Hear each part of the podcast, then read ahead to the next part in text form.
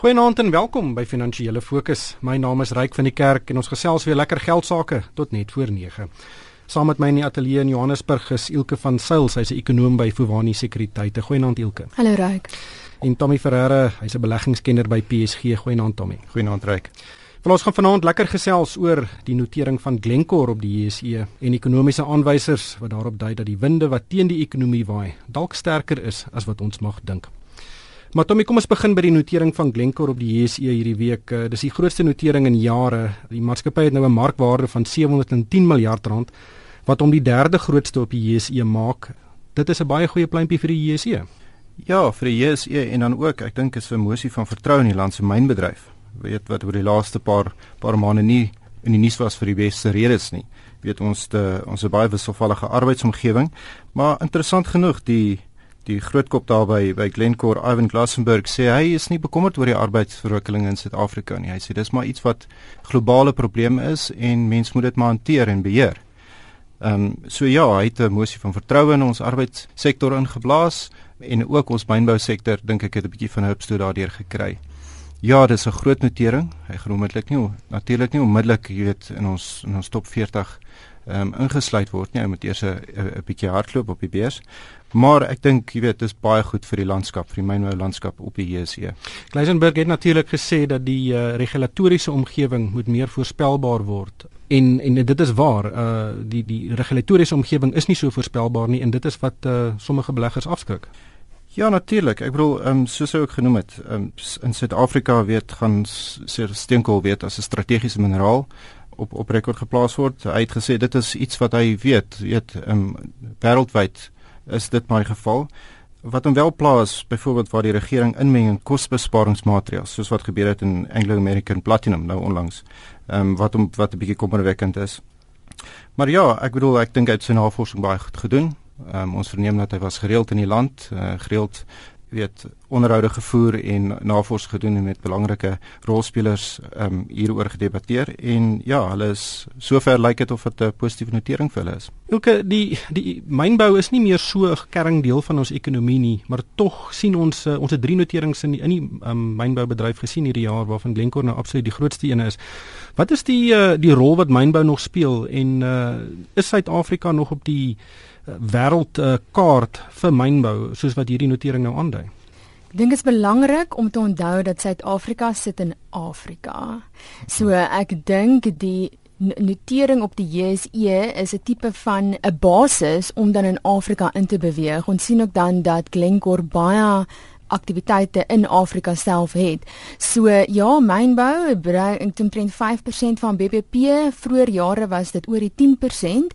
So op 'n waarde aangepaste basis is dit nie meer so baie nie, maar indien jy kyk waar ons land 'n tipe van 'n mededingendheid of ehm um, ja, teenoor ander lande het, is daai mynbou nog steeds baie belangrik. Handelsbalans gewys is goud en platinum maar nog steeds ons grootste twee uitvoerprodukte. So van 'n waarde of welvaartskepping perspektief is dit nog steeds sleutelbelangrik. Hmm. Dan ek wil net 'n bietjie gesels oor die impak op die JSE self. Soos jy gesê het, uh, Glencore is nog nie deel van die top 40 indeks nie. Hy sal eers deel word as daar 5% van sy uitgereikte aandele in Suid-Afrikaanse hande is en in in uh, ek neem aan dit uh, gaan nie lank wees voordat dit gebeur nie. Dit gaan net die, die dinamika van die beurs verander. Uh, Ryk ek twyfel. Ek dink op die einde van die dag, um, ons is gewoond aan aan mynbou uh, sektor op ons beurs. Ons is gewoond daaraan en ons het baie goeie analiste wat wat dit dan betref. En ons het nou gesien, jy weet die die aandele het gelys.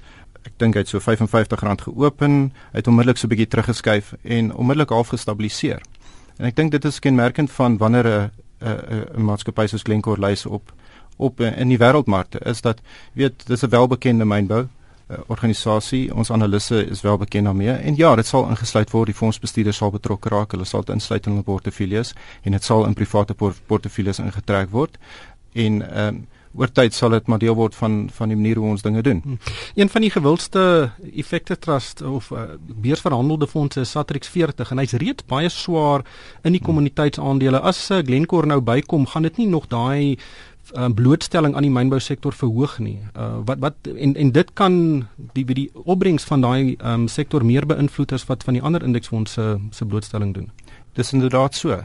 En ek dink dis hoekom ons nou deesdae ook 'n bietjie meer gediversifiseerde indeksfondse kry waar ons 'n bietjie meer geweeg in sekere ehm um, uh sekere sektore van die mark kan inbeweeg. Ehm um, tradisioneel is die JSE soos Elke gesê het, maar nog altyd 'n sterk mynbou um, aanslag gehad en die Satrix 40 het dit weer speel met 'n ekstra Glencore wat nou bykom gaan dit definitief swaar gewig aan die mynbou kant gee. En dan moet ons miskien meer kyk na 'n gediversifiseerde indeks om um, te sê kom ons weeg 'n bietjie minder in mynboukant en ons sit 'n bietjie meer van die finansiële en ander aandele daarbey. Mm, dit is verreweg die grootste beursverhandelde fonds in die land. Ja. Maar ek kom ons kyk gou na ekonomiese aanwysers wat hierdie week bekend gemaak is. Uh, ons het kleinhandelsyfers gesien vir die derde kwartaal wat uh, basies uh, onveranderd was 0,4% hoër en dit dui daarop dat verbruikers regtig sukkel. Ons het 'n peiling gesien van die vervaardigingssirkel wat wys dat vervaardigers is onder geweldige druk um, en dat onder meer dat 50% van vervaardigers nie verwag dat sake binne die volgende jaar enigstens gaan verbeter nie.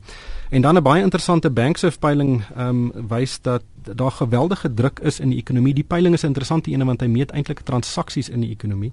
En Mike Schuessler, die ekonom wat dit saamstel, het opgemerk dat die plaaslike ekonomie is dalk nader aan 'n resessie as wat ons dink.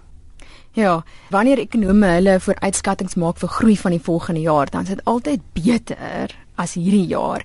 En ons begin al meer te dink, daar's 'n risiko dat volgende jaar selfs onder hierdie jaar se se geskatte 2% gaan wees. En hoekom? Want die verbruiker maak 2/3 van die ekonomie uit.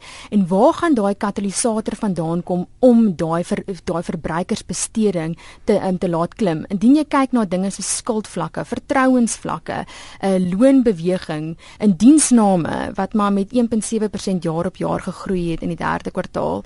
Uh dit is iets iets wat vir jou redelik bekommerd maak en dan en dan begin mens besef dat die verbruiker is in 'n baie sensitiewe situasie vir alles as na die reservebank kyk en besef rentekoerse kan nie vir altyd so laag bly nie. Kleinhandel ehm um, verkope 0.2% jaar op jaar vir die maand in September. Verlede jaar het ons 'n baie slegte um, maand gehad van ons het die staking in die vervoerbedryf gehad. So so die verbruiker het klaar minder gekoop in verlede jaar September. So om vir jou te sê dat dat ons nie eens kon verbeter op dit nie en maar maar 'n 0.2% jaar op jaar gehad het vir daai maand, wys vir dat dit eintlik 'n baie swak syfer is en dit is eintlik 'n tipe van 'n teken vir dinge wat kan kom. Ons het egter baie goeie handelssyfers gesien grootliks vanweë 'n nuwe manier hoe hulle dit uitwerk. Ja, ons het die nuus Vrydagoggend ontvang dat SARS nou uh, Botswana, um, Namibië, Swaziland en um, en Lesotho gaan insluit in die handelssyfers. Dit het 'n baie gunstige uitwerking gehad op die handelstekort vir die afgelope paar jare en indien ons kyk net vir 2013, ehm um, die kumulatiewe tekort vir die jaar se ver staan op rondom 126 miljard. Sluit ons daai paar lande in, kry ons 'n syfer van om en by 64 miljard. So dis amper 'n halvering van daai tekort. So, dis positiewe nuus in die korttermyn en die rand mag dit dalk as positief ervaar, maar ons moet sê dat die Reserwebank vandat die syfers gepubliseer is, 'n tipe van 'n raming maak vir daai lande se handel. So dit gaan nie noodwendig die lopende rekenings met ander woorde al die die groot maatstaf van handel met die res van die wêreld beïnvloed nie, maar, maar ons maandelikse syfers lyk definitief baie baie beter. Maar dit maak tog sin uh, in sekere opsigte dat die formule ehm um, so verander word. Ja, hulle sê dit as gevolg van verbetering in tegnologie dat dit nou wel ingesluit kan word. Ons het 'n tipe van 'n vrye handel ooreenkoms met daai lande, so op op grond daarvan was dit nooit ingesluit nie. Maar dit maak sin en dit maak sin dat dit dat dit die syfers so positief um, beïnvloed want indien jy dink aan 'n land so Swaziland Hulle voer omtrent alles van Suid-Afrika in, van meel, suiker, skoene, hmm. klere. So dit kan baie toevallig wees, maar ek dink dit is ook 'n baie gunstige beweging so naby die verkiesing veral wanneer ons ook sien dat die rand uh, redelik seer gekry het hierdie week en amper weer tot by die 10.40 vlak teen teenoor die dollar verhandel het. So ehm um, dit is 'n uh, dit is 'n pluimpie in die korttermyn.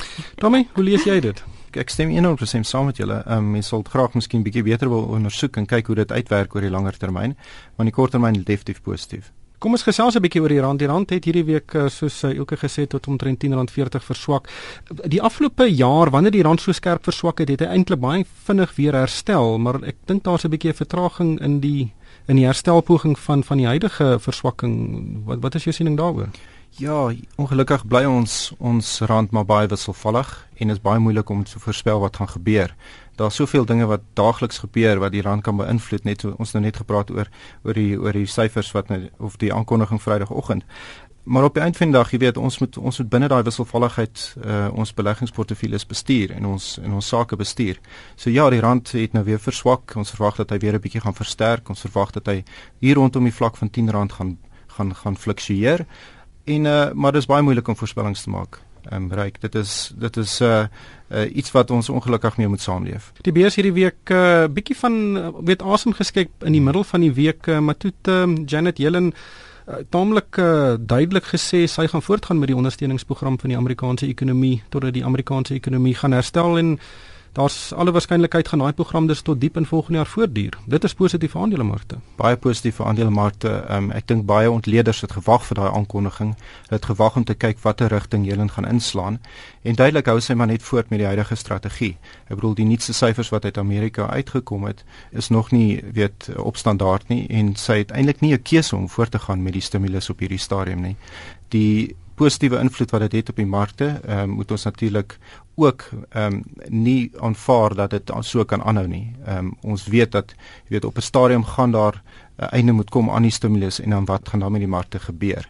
So ja, ons ons ons vat die positiewe nou soos dit kom, maar ons moet ook 'n bietjie meer fokus op die langtermyn. Wat moet 'n langtermynbelegger nou dink? Weet ons sien hierdie baie goeie stygings in aandelepryse reg oor die wêreld, maar elke keer is daar enige ontleeders sê maar ons weet nie wat gaan gebeur as die die die ondersteuning verlaag nie of uh, weet uh, verswak word nie. Uh, wat moet 'n langtermynbelegger doen? Moet hy maar net terugsit en deur hierdie wisselvalligheid uh, uh, beplan of is dit tyd om wins te neem en miskien een keer in jou lewe die tydsberekening reg te kry? Ja, daai tydsberekening is is iets om reg te kry ek ek Ehm um, ek dink dis enige belegger se droom, maar ek dink vir die langtermynbelegger, ehm um, ja, ons moet maar 'n goeie gediversifiseerde strategie daarmee saamstel. Ons kyk na 'n kombinasie van plaaslike en globale bates wat jy in jou portefeulje moet hou. Ons het reeds gesien dat die die die JSE is maar gekoppel aan wat globaal gebeur, maar op hierdie stadium is die JSE bietjie bietjie duur geprys. Ons betaal 'n bietjie premium op op die JSE op die oomblik. Ons vind dat ons uh, goed oorsee kan diversifiseer. Daar's goeie kopies daar maar ja, ek bedoel die aandele as 'n bateklas as geheel is maar 'n langtermyn bateklas. 'n Mens moet 7 jaar en langer kyk na daai bateklas. En en ja, daar kan herstel in die markte kom, maar dan moet ons ook deur daai herstel werk. Ongelukkig is dit alwaar vir ons tyd het vanaand. Baie dankie aan Ilke van Sail van Bewani Sekuriteite en Tommy Ferreira van PSG. En van my ryk van die kerk, dankie vir die saamkuier en ek koop almal 'n winsgewende week.